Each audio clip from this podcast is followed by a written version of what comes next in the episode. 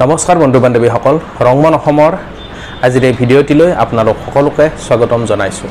আজিৰ এই ভিডিঅ'টিত সদ্য মুক্তিপ্ৰাপ্ত অসমীয়া চিনেমা ৰাইনো এক্সপ্ৰেছৰ ৰিভিউ দিবলৈ ওলাইছোঁ। গতিকে ফ্ৰেণ্ডছ আহক আজিৰ এই ভিডিঅ'টো আমি আৰম্ভ কৰোঁ।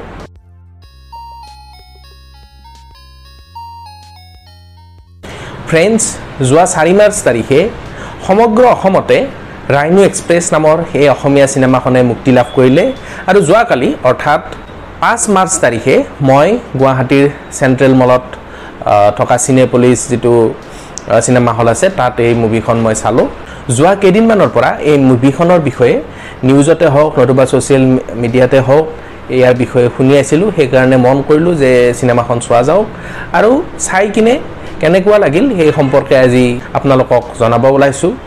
এক কথাত যদি ক'ব খোজোঁ চিনেমাখনক মই ফুল এণ্টাৰটেইনমেণ্ট মুভি বুলি ক'ব বিচাৰোঁ। আপোনালোকে এই চিনেমাখন যদি চিনেমা হলত চাব যায় তেতিয়াহ'লে সেই সময়খিনিত আপোনালোকে প্ৰাণ খুলি হাঁহিব পাৰিব। এইটো মোৰ দৃঢ় বিশ্বাস আছে। খুব ভাল লাগিছে চিনেমাখন চাই। অসমীয়া চিনেমাৰ বৰ্তমান সময়ত যি এক দুদিন চলিছে কাৰণ এটা ভাল দিন আহিছিল আজিৰ পৰা দুবছৰমান আগত। যথেষ্ট মানে ব্যয়বহুল অসমীয়া চিনেমাও নিৰ্মাণ হৈছিল। কাঞ্চনজংঘা মিছন চাইনা বা ৰত্নাকৰৰ দৰে চিনেমা। কিন্তু ক'ভিডৰ পৰিৱেশত আকৌ ইণ্ডাষ্ট্ৰিটো সংকটৰ গৰাহত পৰিছে। কিন্তু এতিয়া আকৌ যেতিয়া স্বাভাৱিক পৰিৱেশ কিছু ঘূৰি আহিছে গতিকে এনেকুৱা অৱস্থাত এই ৰাইনো এক্সপ্ৰেছ চিনেমাখনে ভাবিছোঁ যে আশাৰ বতৰা কঢ়িয়াই আনিব সমগ্ৰ অসমীয়া চিনেমা উদ্যোগটোলৈ। মনোৰঞ্জন ধৰ্মী এই চিনেমাখনত চাৰিজন নলেই গলে লগা বন্ধুৰ এক কাহিনী উপস্থাপন কৰা হৈছে। সংকল্প কমল বাসু আৰু হিমু এই চাৰিজন হ'ল নলে গলে লগা বন্ধু। ইয়াৰ ভিতৰত দুজনৰ বিয়া হৈছে অৰ্থাৎ বাসু আৰু কমলৰ বিয়া ইতিমধ্যে হৈ গৈছে আৰু সংকল্পৰ এংগেজমেণ্ট হৈ গ'ল। আৰু কিছুদিন পিছত তেওঁৰ বিয়া। এনে এক অৱস্থাত এই চাৰিওজন বন্ধুৱে বেচেলাৰ পাৰ্টি এটা কৰাৰ কাৰণে এক যাত্ৰাত ওলাই গৈছিল আৰু এই যাত্ৰাত ওলাই গৈ তেখেতসকল কি এক পৰিস্থিতিৰ সন্মুখীন হ'ব লগা হ'ল আৰু ইয়াৰ ফলত তেখেতসকলৰ কি কি আহুকাল হৈছিল এই গোটেইখিনি কথা সুন্দৰভাৱে উপস্থাপন কৰা হৈছে। ৰাইনো এক্সপ্ৰেছ নামৰ এই চিনেমাখনত। অভিনয়ৰ কথা যদি ক'ব যাওঁ এই চিনেমাখনত অভিনয় কৰিছে বেহাৰবাৰী আউটপোষ্ট নামৰ চিৰিয়েলখনৰ যোগেদি সমগ্ৰ অসমবাসীৰ হৃদয় জিনিবলৈ সক্ষম হোৱা শিল্পী কে কে অৰ্থাৎ সিদ্ধাৰ্থ শৰ্মা ডাঙৰীয়া তেখেতে বাসুৰ চৰিত্ৰটো ৰূপায়ণ কৰিছে কমলৰ চৰিত্ৰটো ৰূপায়ণ কৰিছে অসমীয়া ছবি জগতৰ বলিষ্ঠ অভিনেতা উদয়ন দুৱাৰাই। সংকল্পৰ চৰিত্ৰটোত অভিনয় কৰিছে বিবেক বৰা আৰু হিমুৰ চৰিত্ৰটো ৰূপায়ণ কৰিছে জিৎ বৰুৱাই। আৰু প্ৰধান নায়িকাৰ ক্ষেত্ৰত অভিনয় কৰিছে অসমৰ জনপ্ৰিয় অভিনেত্ৰী অমৃতা গগৈ। ভিলেইনৰ চৰিত্ৰটিত অভিনয় কৰিছে অভিনেতা ৰাজীৱ বৰঠাকুৰ লগতে আন আন কিছু চৰিত্ৰ ৰূপায়ণ কৰিছে অসমীয়া ছবি জগতৰ কিছু বিশেষ শিল্পী যেনে চেতনা দাস জয়ন্ত ভাগৱতী ইত্যাদি। এতিয়া অভিনয়ৰ ক্ষেত্ৰত যদি ক'ব যাওঁ প্ৰথমেই নাম ল'ব লাগিব অভিনেতা সিদ্ধাৰ্থ শৰ্মা। এক সুন্দৰ আৰু সাৱলীল অভিনয় তেওঁৰ দেখিব পোৱা গ'ল এই চিনেমাখনত। আৰু যিখিনি সময় তেওঁ পৰ্দাত ওলায় সেই সময়খিনিত দৰ্শকক হহুৱাবলৈ তেওঁ যেন কেতিয়াও বিফল হোৱা নাই। যেতিয়াই তেওঁ পৰ্দাত ওলায় সমগ্ৰ দৰ্শকৰ হাঁহিৰ ৰোল গোটেই হলটোতে শুনিব পোৱা গৈছিল। গতিকে তেখেতৰ অভিনয় নিশ্চয় শলাগিবলগীয়া এই চিনেমাখনত। ইয়াৰ উপৰিও উদয়ন দুৱাৰা বিবেক বৰা আৰু জিৎ বৰুৱাৰো অভিনয় অতিকে সুন্দৰ আৰু সাৱলীল হোৱা বুলি ক'ব পাৰি। অভিনেত্ৰী অমৃতা গগৈয়ে ইয়াত দ্বৈত চৰিত্ৰ ৰূপায়ণ কৰিছে। দুয়োটা চৰিত্ৰই সুন্দৰভাৱে উপস্থাপন কৰাত অভিনেত্ৰীগৰাকী সফল হৈছে। ইয়াৰ উপৰিও ভিলেইনৰ চৰিত্ৰটিও ৰাজীৱ বৰঠাকুৰ ডাঙৰীয়াই সুন্দৰভাৱে উপস্থাপন কৰিছে। গতিকে অভিনয়ৰ বাবে এই চিনেমাখনক out of five four rating দিব পৰা যায়।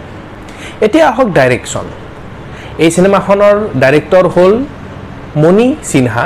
মণি সিনহাই ৰাইনো এক্সপ্ৰেছৰ উপৰিও আন দুখন অসমীয়া চিনেমাও ডাইৰেক্ট কৰিছে। সেই দুখন হ'ল ৰাফ এণ্ড টাফ আৰু ধম ধমাধম মই এই দুখন চিনেমা এতিয়ালৈকে চোৱা নাই।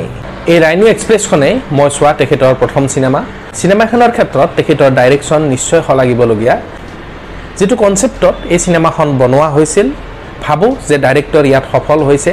অসমীয়া কমেডি চিনেমা আগতেও বহুত নিৰ্মাণ হৈছে।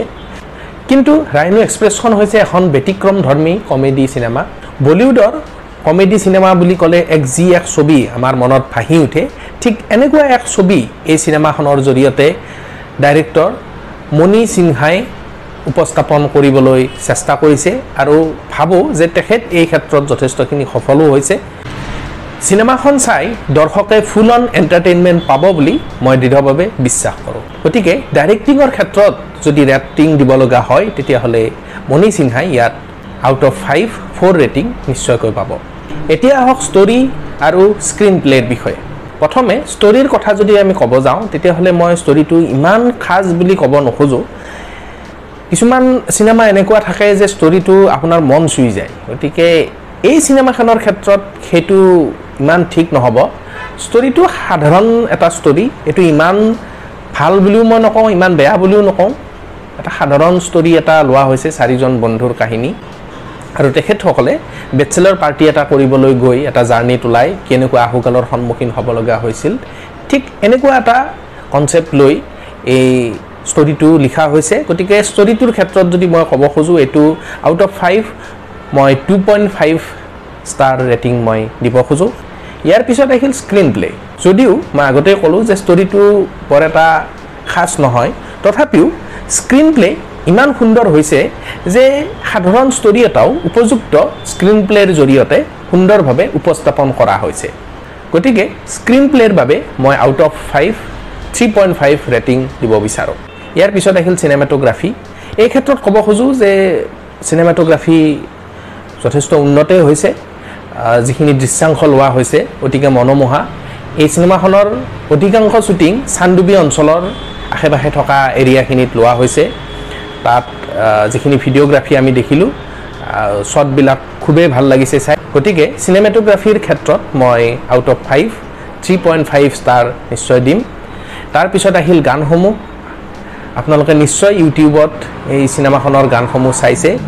পাপন দাৰ কণ্ঠত যিটো গান আছে সেইটো সঁচাকৈয়ে খুব ভাল লাগিছে। আৰু ভিডিঅ' শ্বুটিঙো গানকেইটাৰ অতিকে মনোমোহা হৈছে। এটা ডেন্স নাম্বাৰ আছে সেইটো খুব মনোৰঞ্জক হৈছে। গতিকে গানকেইটাৰ ক্ষেত্ৰতো মই out of five four rating দিম। আৰু সকলোতকৈ শেষত অভাৰঅল যদি মই চিনেমাখনৰ ৰেটিং দিব লাগে তেতিয়াহ'লে মই out of five three point five star rating মই এই চিনেমাখনত দিম। আপোনালোকে যদি চিনেমাখন চাবলৈ হললৈ আহে তেতিয়াহ'লে নিৰাশ হ'ব নালাগে। এইটো মোৰ দৃঢ় বিশ্বাস। যিখিনি সময় আপোনালোকে হলত থাকিব যথেষ্ট পৰিমাণে এণ্টাৰটেইনমেণ্ট আপোনালোকে পাব। গতিকে কেৱল অসমীয়া চিনেমা হ'ল বুলিয়ে যে হললৈ চিনেমা চাবলৈ আহিব লাগিব এইটো কথা নহয়। যে চিনেমাখন এনেও যথেষ্ট পৰিমাণে উন্নত মানৰ হৈছে আৰু এনেকুৱা কমেডি চিনেমা হয়তো আপোনালোকে অসমীয়াত আগতে দেখা নাছিল। গতিকে আপোনালোকে নিশ্চয় এই চিনেমাখন চিনেমা হললৈ চাব আহিব লাগে। আৰু মোৰ বিশ্বাস যে চিনেমাখন নিশ্চয় আপোনালোকে উপভোগ কৰিব।